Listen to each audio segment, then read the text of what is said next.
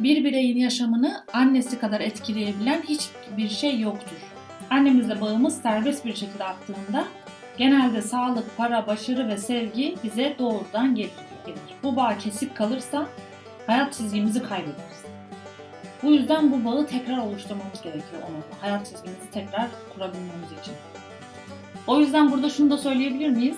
Bir ilişki sizin travmanızın bir parçası mı yoksa değil mi olduğunu buradan anlayabilirsiniz. Şimdi bu olayı algıladıktan sonra bunun kişisel olmadığını anlamış ve bunu anlaması 60 yılını almış. 60 yaşındaymış Van'da. Ve annesi 85 yaşındaymış. Bunu fark ettikten sonra 60 yılımı ondan onu suçlayarak ondan nefret ederek geçirdim diyerek büyük bir üzüntü yaşamış. Ha görüşme bitmeden terapistle çantasını alıp odadan çıkmış. Koşarak anneme gidip onu sevdiğimi söylemem gerekiyor demiş. Eve gitmem lazım demiş. Evet bakalım neymiş bu ayrılık dili, ilişkilerin çekirdek dili neymiş, detaylar içeride.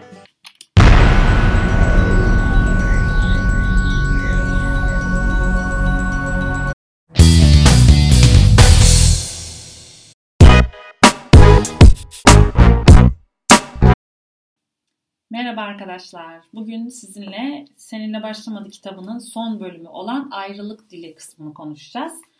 Ayrılık dili, kısm, dili kısmında da şimdi travmalarımızın bazılarının anne babadan kaynaklandığını öğrendik. Bunun kökenini bulduk.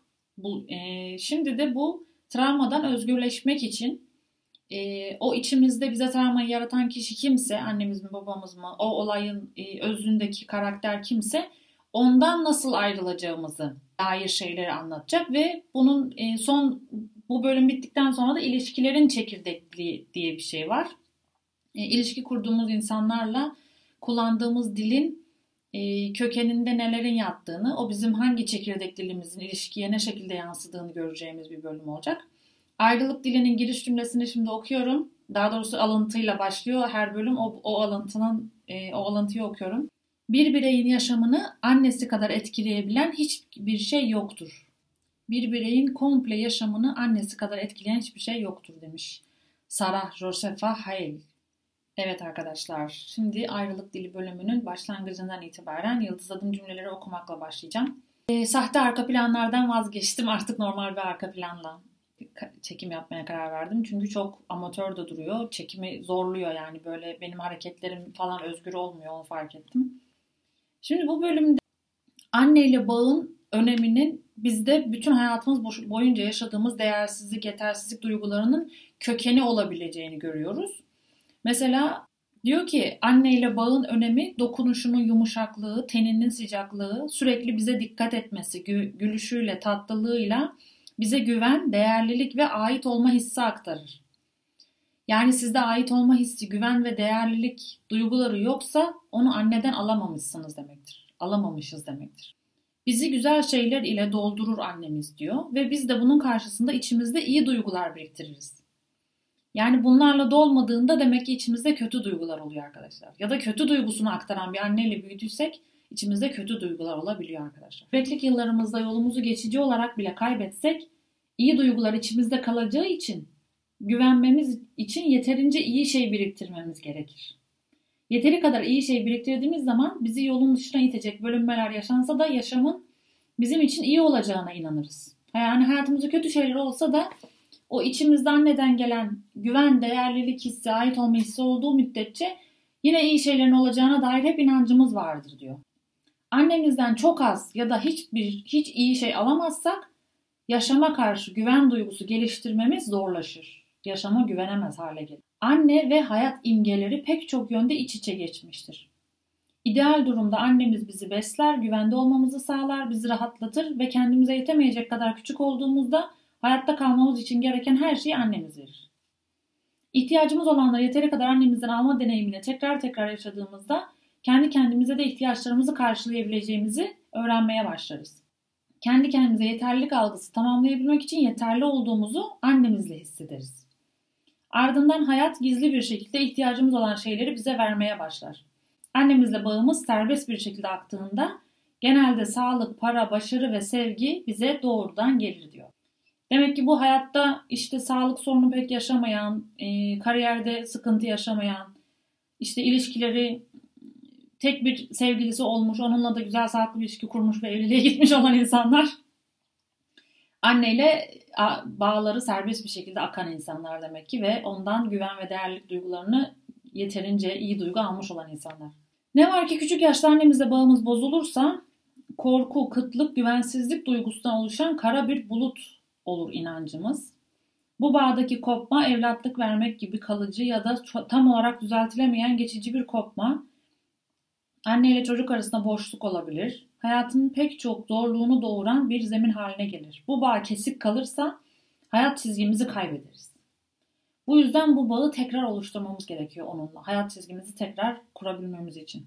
Parçalara ayrılırız ve tekrar bir araya gelmek için annemize ihtiyaç duyarız.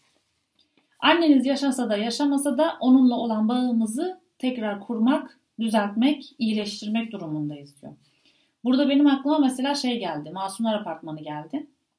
Orada mesela kızın annesi çok kötü biliniyor. Bayağı hep dizinin yani yarıdan çoğunu kızın annesinin kötülüğüyle şey yaptık, e, izledik. Sonra filmin sonlarına doğru kız terapiye gitmeye başladıktan sonra annesi gözünde iyileşmeye başladı. Annesi gözünde iyileşmeye başladıkça onun da psikolojik sorunları iyileşmeye başladı. Hayata atılmaya başladı, işte sevgilisiyle doğru düzgün bir ilişki kurmaya başladı. Yani o şey çok önemli aslında bence o dizide de. Annesine şefkat duymaya başladı. Onun da zor bir hayat geçirdiğini, kendi elinde olduğu kadarını ona verebildiğini anladı. Ve onun annesinin ondan daha kötü ona davrandığını hatırladı ve fark etti. Ondan sonra annesiyle bağı iyileşmeye başladı. Ona karşı bakış açısı değişti. Yani tamamen olay bakış açısı değiştirmekle alakalı aslında. Kopma geçici olduğunda annemizin tutarlı kalması, yanımızda olması ve ayrılığın dönüşünde bizi sıcaklıkla karşılaması önemlidir. Annemizde kaybetme deneyimi o kadar yıkıcı olabilir ki onunla tekrar bağ kurmak için tereddüt edebilir veya buna karşı çıkabiliriz. O yüzden bunu gerçekten istiyor olmanız gerekiyor. Suskunluğumuzu onu reddediyormuşuz gibi algılıyorsa kendisini savunarak veya araya mesafe koyarak tepki koyabilir. Bu da aramızdaki bağın yaralı veya kırık kalmasına neden olabilir. Demiş. Ee, her şeyi okumaya başladım. Yıldızlı cümleleri okuyacaktım sadece. Şimdi gebelik, bebeklik ve çocukluk sırasında beynimiz deneyimlerimizi anılar haline gelmeleri için bir hikaye formunda saklar. Anılar olmadan karşılanmayan özlemlerimiz bir sonraki işimizde, bir sonraki tatilde, içeceğimiz bir kadeh şarapta, bir sonraki birlikteliğimizde tatmin etmeye çalışacağımız bilinç dışı dürtü, arzu ve özlemler olarak olarak ortaya çıkabilir demiş. Yani eğer erken bir ayrılık korkusu, kaygısı gerçekliğimizi bozabilir. Zorlu ve rahatsız edici durumlarımızı felaket boyutunda hayatımızı tehdit eden nitelikte hissetmemize neden olur diyor. Bunlar da genelde yani anneyle yaşanan bir travma, kopma bir şey varsa bu ilişkilerde ortaya çıkar diyor arkadaşlar. Neden? Çünkü aşık olmak yoğun duyguları serbest bırakmaktır. O yoğun duygular aşık olunca serbest kalıyormuş ve travmalarımız ortaya çıkıyormuş tek tek. Bu da doğal olarak bizleri bebeklik döneminde annemizle yaşadıklarımıza yani zamanda geriye götürür. Partnerimize karşı annemizde hissedeceğimiz duyguların benzerini beslemeye yatkın oluruz. Özel biriyle karşılaşırız ve kendimize şunu söyleriz. Sonunda bana iyi bakacak, tüm arzularımı anlayacak ve bana ihtiyacım olan her şeyi verecek birini buldum. Bak aslında annemizden almamız gereken şeyleri sevgilimizde gördüğümüzde ondan alacağımızı düşünüyormuşuz ve ona o yüzden ona aşık oluyormuşuz. Ya da aşık olduğumuzda böyle düşünmüşüz. Fakat bu duygular yalnızca annesine karşı hissettiği ya da hissetmeyi istediği yakınlığı yeni, yeniden deneyimlemek isteyen bir çocuğun yanılsamasıdır. O yüzden burada şunu da söyleyebilir miyiz? Bir ilişki sizin travmanızın bir parçası mı yoksa değil mi olduğunu buradan anlayabilirsiniz. O kişi benim bütün ihtiyaçlarımı karşılayacak diye mi düşünüyorsun? Yani onunla bütün her şeyi yapabilirim, bütün ihtiyaçlarım, yakınlık duyma arzumun hepsini ondan alabilirim diye mi onunlasınız mesela? Eğer böyleyse o sizin travmanızın bir parçası olmuş oluyor. Ama o size yeteri kadar istediğiniz e, işte yakınlığı, tüm arzu ve istediklerinizi karşılamadığı halde veya size tam olarak bak bakamadığı halde onunlaysanız, onu seviyorsanız o zaman artık travmanızın bir parçası olmayan biriysiniz demek oluyor. Pek çoğumuz farkında olmadan annemizi yerine getirmediği ihtiyaçlarımızın partnerimiz tarafından karşılanmasını bekleriz. Bu yanlış yönlendirilmiş beklenti başarısızlığın ve hayal kırıklığını yolunu açar. Partnerimiz ebeveyn gibi davranmaya başlar ve karşılanmamış ihtiyaçlarımızı tatmin etmeyi denerse romantik ilişki uçup gider. Evet, bunu birebir yaşamış biri olarak söylüyor arkadaşlar. O kişi biz, bizzat ebeveyniniz gibi oluyor Ya bir bakıyorsun sen onun yanında çocuk gibisin. O senin ihtiyaçlarını düşünüyor, karşılıyor. İşte e, yani ben bir kere benim işte montum pislenmişti. Onu bile onun eline bez alıp sildiğini hatırlıyorum yani. Ve o an kendimi şey hissettim. Çocukmuş gibi hissetmiştim. Ve sonra o kişiye karşı cinsel bir şey de hissedemiyorsunuz artık. Duyamıyorsunuz yani. Çünkü onu ebeveyn yerine koyuyorsunuz. Ebeveyn konumunda görünüyor artık sizin gözünüzde. Kendinize artık arkadaş olabilecek, romantiklik yaşayabileceğiniz başka birine bakıyor oluyorsunuz. Ya da size onu verecek kişilere karşı daha yakın hissediyorsunuz. Yakın hissediyorsunuzdan kastım hani en çok yakınlığı zaten onda bulmuşsunuz ama o artık ebeveyn konumuna geçtiği için e, romantikliği başka yerde arıyorsunuz yani. Bir tane şimdi e, ayrılığın çekirdek diline gelmeden önce son bir iki şey daha okuyacağım. Annemizden bebeklikte ayrılmak romantik ilişkilerdeki istikrarımızı bozabilir. Bilinç dışı bir şekilde yakınlığın yok olacağından veya elimizden alınacağından korkabiliriz. Bu tanıdık geliyor mu? Bunun karşılığında tıpkı annemize tutunacağımız gibi partnerimize tutunuruz. Ya da bu yakınlığın kaybolacağı öngörüsüyle partnerimizden uzaklaşırız kendimiz. Ya yakınlık kaybolursa korkusuyla, öngörüsüyle ondan uzaklaşırız. Genellikle iki davranışı da aynı ilişki içerisinde sergileriz. Kenarına resmen ben ya yazmışım. Ee, ve partnerimizde duygusal olarak iniş çıkışlarla dolu bitmek bilmeyen bir yere sıkıştığını hissedebilir. Ne kadar kötü bir şey değil mi? İşte bunları fark edip çözmek çok önemli ve anne ile ilişkiyi çözmek de çok önemli. Anne ile ilişkiyi çözdükten sonra daha doğru düzgün sağlıklı ilişkiler oluyor bence. Şimdi benim mesela son artık iki ilişkimde daha sağlıklı ilerleme ilerlediğimi fark ettim. Ondan önce resmen travmalarımı bana yaşatacak insanları çekmişim ve 4 yıl e, o benim annemle kopuk bağımı bana hatırlatacak bir ilişki içinde kalmışım. Yani o zaten narsistik videolarımda da anlatmıştım. E, şimdi daha böyle e, zaten sorumluluk aldıkça insan kurban bilincinden de çıkıyor. Kurban bilincinden çıktığınız zaman ebeveynlerinizle ilişkiniz de daha sağlıklılaşıyor. Ama tabii ki bunun için bu çalışmaları da yapmak gerekiyor yani ayrışma olsun, anneyle kopuk bağı giderme olsun. Bununla ilgili zaten bir önceki videolarda çalışmalar vermiştim. Evet şimdi ayrılık tiplerine geldik. Ayrılık tipleri olarak birkaç cümlemiz var. Onlardan bir tanesi evlatlık vermenin yanı sıra doğum sırasında yaşanan komplikasyonlar, hastaneye yatırılma, hastalık, iş ya da evin dışında yapılan uzun seyahatler böyle şeyler olmuş muydu annenizle aranızda? Ya da anneniz doğum yaptıktan sonra böyle şeyler yaşandı onu öğrenebilirsiniz. Doğumdan sonra uzun seyahatler gibi uzun süreli ayrı kalınan dönemler bağın gelişimini tehdit edebilir diyor. Çocuklar olarak annemizin fiziksel varlığın olduğu kadar duygusal ve enerji dolu varlığına da ihtiyaç duyarız. Annemiz travmatik bir olay yaşadığında sağlık sorunu, hamilelik, çocuk, işte eş veya ev gibi ilgisi bizden uzaklaşabilir. Bunun karşılığında biz de anneyi kaybetmenin travmasını yaşarız. Anne ile çocuk arasındaki bağın kopması anne rahminde de gerçekleşebilir. Anne rahmindeyken çocuk yüksek korku, kaygı, depresyon, partnerle stresli bir ilişki, sevilen birini kaybetmek, hamile olmakla ilgili olumsuz düşünceler, daha önce düşük yaşamış olmak bir annenin karnında gelişen bebeğiyle bağını zayıflatabilir. Daha doğmadan anne anne ile çocuk arasındaki bağ zayıflayabiliyormuş yani arkadaşlar. O yüzden bunları hep öğrenebilirsiniz yani. Henüz böyle bir teşhis koymadıysanız bile kendinize böyle bir durum var mı diye annenizle konuşup öğrenebilirsiniz ya da bilen birileri varsa çevrenizde onlara.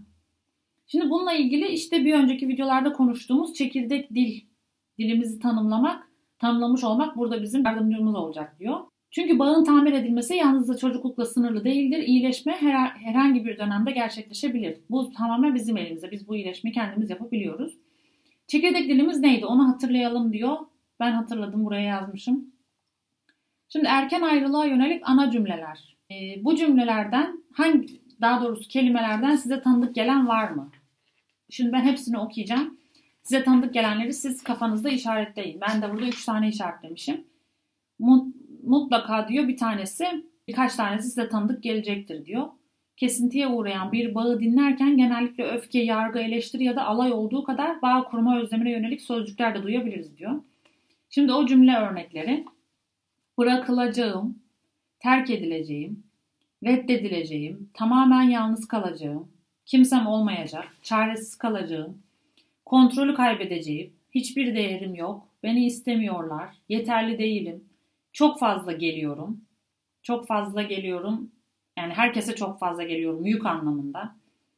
Beni bırakacaklar, beni üzecekler, bana ihanet edecekler, yok olacağım, mahvolacağım, var olamayacağım, var olmayacağım, durumum umutsuz. Bu cümle, bunun gibi cümleler aile geçmişimizde yer alan önceki nesillerden de gelebilir. Aslında sizin cümleniz değildir. Belki de önceki nesilden geldi diyor. Cümlelere dikkat ettiyseniz hepsi kurban psikolojisi değil mi biraz da? Serhat Yabancı'nın Zihin Tuzakları kitabını okumuştuk ya orada o, o videolarda bundan bahsediyorduk. Sürekli böyle başkalarından karşı bir beklenti var, başkalarından gelen ve kendisi sorumluluk alarak bir şey yapmak yerine hep böyle reddedilmek, terk edilmek, işte kontrolü kaybetmek, beni bırakacaklar, beni üzecekler. Bakın kurban bilinci hepsi biraz da aslında. Erken ayrılığı karakterize eden en önemli özelliklerden biri annemizin bizi güçlü şekilde reddetmesidir diyor. İhtiyaçlarımıza yeteri kadar karşılık vermediğinden ötürü hissettiğimiz suçluluk duygusuyla birleşir. Ancak her zaman durum böyle değildir. Annemiz için büyük bir sevgi hissedebilir ancak aradaki bağı hiçbir zaman tam anlamıyla gelişmediği için annemizin zayıf ve kırılgan olduğunu düşünebilir, ona bakmamız gerektiğini duyumsayabiliriz. Annemizle bağ kurmakla ihtiyacımızın bağ kurmakla ihtiyacımızın arasında onunla ilgilenme yönelimi terse dönebilir. Bilmeden annemize kendimizin umutsuzca ihtiyaç duyduğu şeyleri sağlayabiliriz. Mesela bunu fark ettiniz mi hiç? Annenize bak bakmaya başladığınızda aslında ondan beklediğiniz şeyleri ona sağladığınızı. Ben fark ettim mesela. Bundan iki yıl önce sanırım e, annemin ihtiyaç duy yani böyle benim ihtiyaç duyduğum anneyle arkadaşlık, o bana her konuda destek, e, beni olduğum gibi kabul etmesi gibi şeyleri ben ona sağlamaya başladığımı fark etmiştim mesela.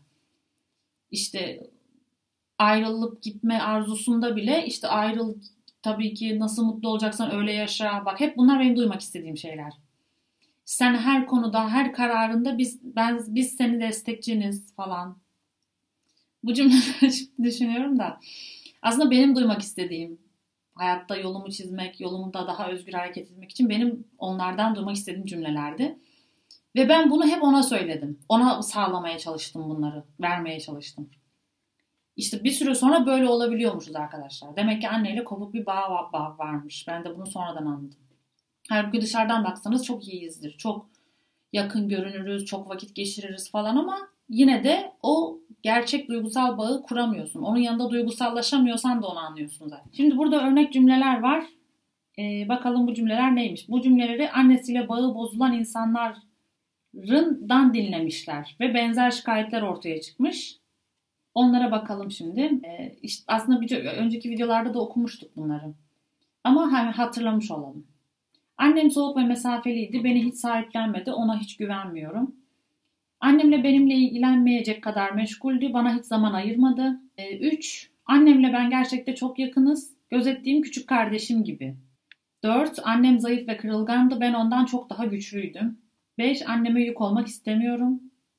6. Annem çok mesafeliydi. Duygusal olarak yanımda değildi ve eleştirirdi. 7. Her zaman beni itip uzaklaştırırdı. Hiç umurunda değilim. 8. Gerçek anlamda bir ilişkimiz yok. 9. Anneanneme daha yakın hissediyorum. Bana annelik yapan oydu. 10. Annem tamamen ben merkezlidir. Her şey onunla ilgilidir. Bana hiç sevgi göstermedi. 11. Çok bencil ve manipülatif olabiliyor. Onunlayken güvende hissetmiyorum. 12. Annemden korkuyordum. Onu göreceğim zaman ne olacağını asla tahmin edemezdim. 13. Anneme yakın değilim. Hiç anaç değil, anne gibi değil. Allah Allah. 14. Hiç çocuk istemedim. İçimde hiç annelik duygusu olmadı. Bunlar da hep anneyle kopuk bağın belirtileriymiş arkadaşlar. Çocuk istememek mesela. Çocuk yaptığı halde çocuklarıyla bağ kuramamak. Bu da anneyle kopuk bir bağınız var demek oluyormuş. Vanda'nın yalnızlığı diye bir kısım var şimdi. Ama biz bunu okuyacak mıyız? Okumayalım. Ben size özet geçeyim. Evet arkadaşlar biraz acıklı bir hikaye. Kaldıramayacak olanlar bu kısmı izlemesin bence. Geçebilirsiniz yani. Bir iki dakika sürer muhtemelen. Şimdi Wanda'nın çekirdek tanımlayıcısı annem soğuk, soğuk, ilgisiz ve mesafeliydi diyor arkadaşlar. Wanda'nın annesinin adı Evelyn. Evelyn e, Wanda'dan önce bir çocuk doğurmuş ve onu emzirirken uyuyakaldığı için çocuk ölmüş. O onda büyük bir travma yaratmış. Çocuğun adı da Gail'miş.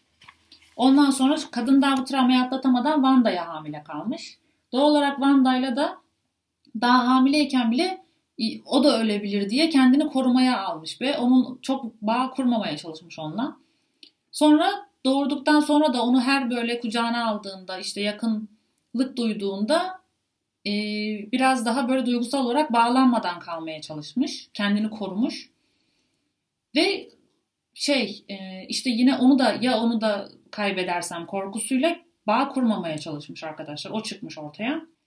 Ve çocukken de annesi ne kadar sarılsa yakın hissetse de on, kendisini ondan koruduğunu mesafeliliğini Van'da hissediyormuş. Ve Van'da da bu sefer annesinden koruyarak kendine karşılık vermiş. Annesine karşı bir duvar örmüş. Yani arkadaşlar evliliğinin travması Vanda'nın yalnızlığına sebep olmuş. Vanda da kendini ondan uzak tutmuş. Hep annem beni sevmiyor ve benim onu sevmemem gerekiyor zannetmiş.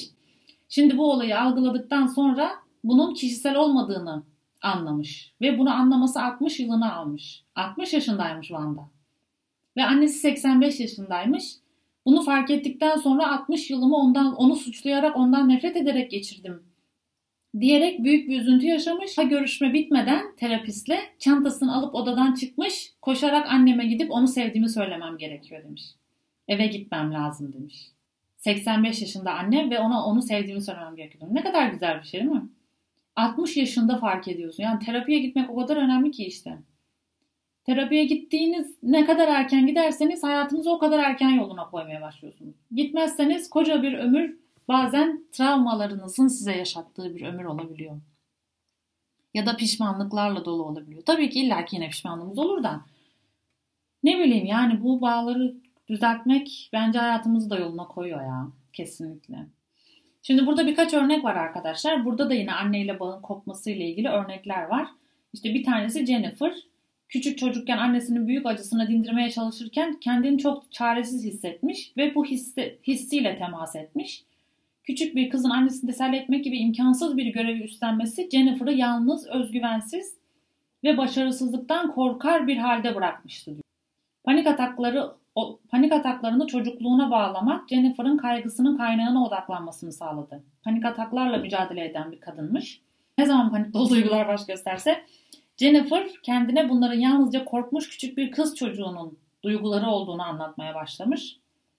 Jennifer göğsündeki kaygı dolu hislere odaklanıp dikkatini burada tutarken nefes alışverişini uzatmayı ve sakinleştirmeyi öğrenmiş. Gitgide bu belirtiler azalmış. Ve böyle hissettiği zaman art, senin için buradayım artık sana sahip çıkacağım. Bu duyguların içinde bir daha yalnız olmana gerek yok. Seni güvende tutacağıma güvenebilirsin diye içindeki kız çocuğuna seslenmiş. Jennifer alıştırma yaptıkça kendi kendine sahip çıkabileceğine dair özgüveni de arttı. Şimdi triktolomani kökünden ayrılış. Burada da yine annesiyle bağı kopmuş olan birisi var. E, kendisi Kelly diye bir kız. Kelly annesi için benimle ilgili her şey yanlış olmalı diye düşündü. Kelly aslında bir buçuk yaşındayken bağırsak ameliyatı olmuş ve 10 gün boyunca annesinden ayrı kalmış arkadaşlar. Her akşam hastane ziyaretleri sona erdiğinde 9 civarı Kelly'nin annesi onu bırakarak yeni doğan kız kardeşine ve abisine bakmak için eve gitmiş. Kelly'nin annesi onu hastane odasında yalnız bırakıp gittiğinde Kelly'nin neler hissettiğini ancak hayal edebilir. İşte Kelly'nin triptolomanesinde gün yüzüne çıkmış bu olay. Her akşam 9 civarında bu, bu duygular Kelly'nin bedenini ele geçirmeye başlamış. Bir, bir buçuk yaşında yaşadığı olay yani 16 yaşına geldiğinde her akşam 9'da kendisinde şey saçların kafasından saçını, kaşını, işte kirpiğini falan koparıyormuş. Bu şekilde ortaya çıkmış. Saç çekme hastalığı, triptolomani, tripto, trikotilomani, trikotilomani, trikotilomani Neyse arkadaşlar işte tam 9 civarı oluyormuş bunlar. Çok ilginç değil mi ya? Kelly'nin hayattaki en büyük korkusu yalnız kalmak, terk edilmek, aklını kaçırmakmış. Çekirdek cümlesi de buymuş. Çekirdek cümlesi işte yalnız olacağım, terk edileceğim, aklımı kaçıracağım. Kelly 13 yaşına geldiğinde bu duyguları yeniden yaşadı. E, Michelle ve Kelly ayrılmaz ikiliydiler. Michelle kardeşiymiş. Michelle aniden Kelly'yi bıraktı ve okuldaki popüler kızlarla arkadaş oldu. Tüm kızlar Kelly'ye sırtını döndü. Kelly terk edilmiş, göz ardı edilmiş, reddedilmiş hissetti. Bunu ben de hissetmiştim biliyor musunuz? Ablam kendi arkadaş ortamını yapmıştı ortaokulda. Ben de kendimi çok terk edilmiş ve yalnız hissetmiştim. Aslında bu korku annesinden gelme bir şeymiş. Annesinin onu bırak yani o duygusu gün yüzüne çıkmış aslında. O olay sadece bir aracı. O yüzden hayatta size terk edilmiş, reddedilmiş hissettiren birileri varsa emin olun o onunla ilgili değil, sizinle ilgili. Muhtemelen geçmişte kopmuş bir bağınız ya da yaşadığınız bir olayın tetiklenmesini o size yaşatıyor sadece. Çünkü biz travmalarımızı çözmedikçe onları çözmemiz için gereken olaylar sık sık karşımıza gelirmiş. Onları tekrar yaşatacak olaylar sürekli karşımıza gelirmiş. Kelly için annesi tarafından hastanede bırakılmasının getirdiği daha büyük, daha derin bir travmanın iyileşmesi için yol gösteren işaretleri kaçırıldığı bir fırsat olarak görmeye başladı. Saç çekme eylemi asıl travmasını fark etmesini sağlarken aynı zamanda birbirine ait iki şeyin birbirine ayrılmasını da temsil eden bir metafordu. Birbirine ait iki şeyin birbirine ayrılması. Saçlarının için. Kelly saçlarını onları tutan kökten ayırıyordu. Onu annesinden ayrılan bir bebeğinkine benzeyen bir köktü. Vay anasını. Belirtiler genelde neyi iyileştirmemiz veya çözümlememiz gerektiğini gösteren yön işaretleridir. Kaynağına in, inip yaşam boyu birlikte olduğu kaygısından kendisini serbest bırakmış gibi arkadaşlar. 16 yaşındayken çözmüş bu olayı. Ne güzel değil mi? Şimdi ayrılma iç çatışmanın kökeni. Annesinin sevgisinden mahrum kalanlarımız için dünyamız sonsuz bir huzur arayışına dönebilir. Sürekli bir huzur arayışı. Bu bölüm de çok güzel. Şimdi devam ediyoruz.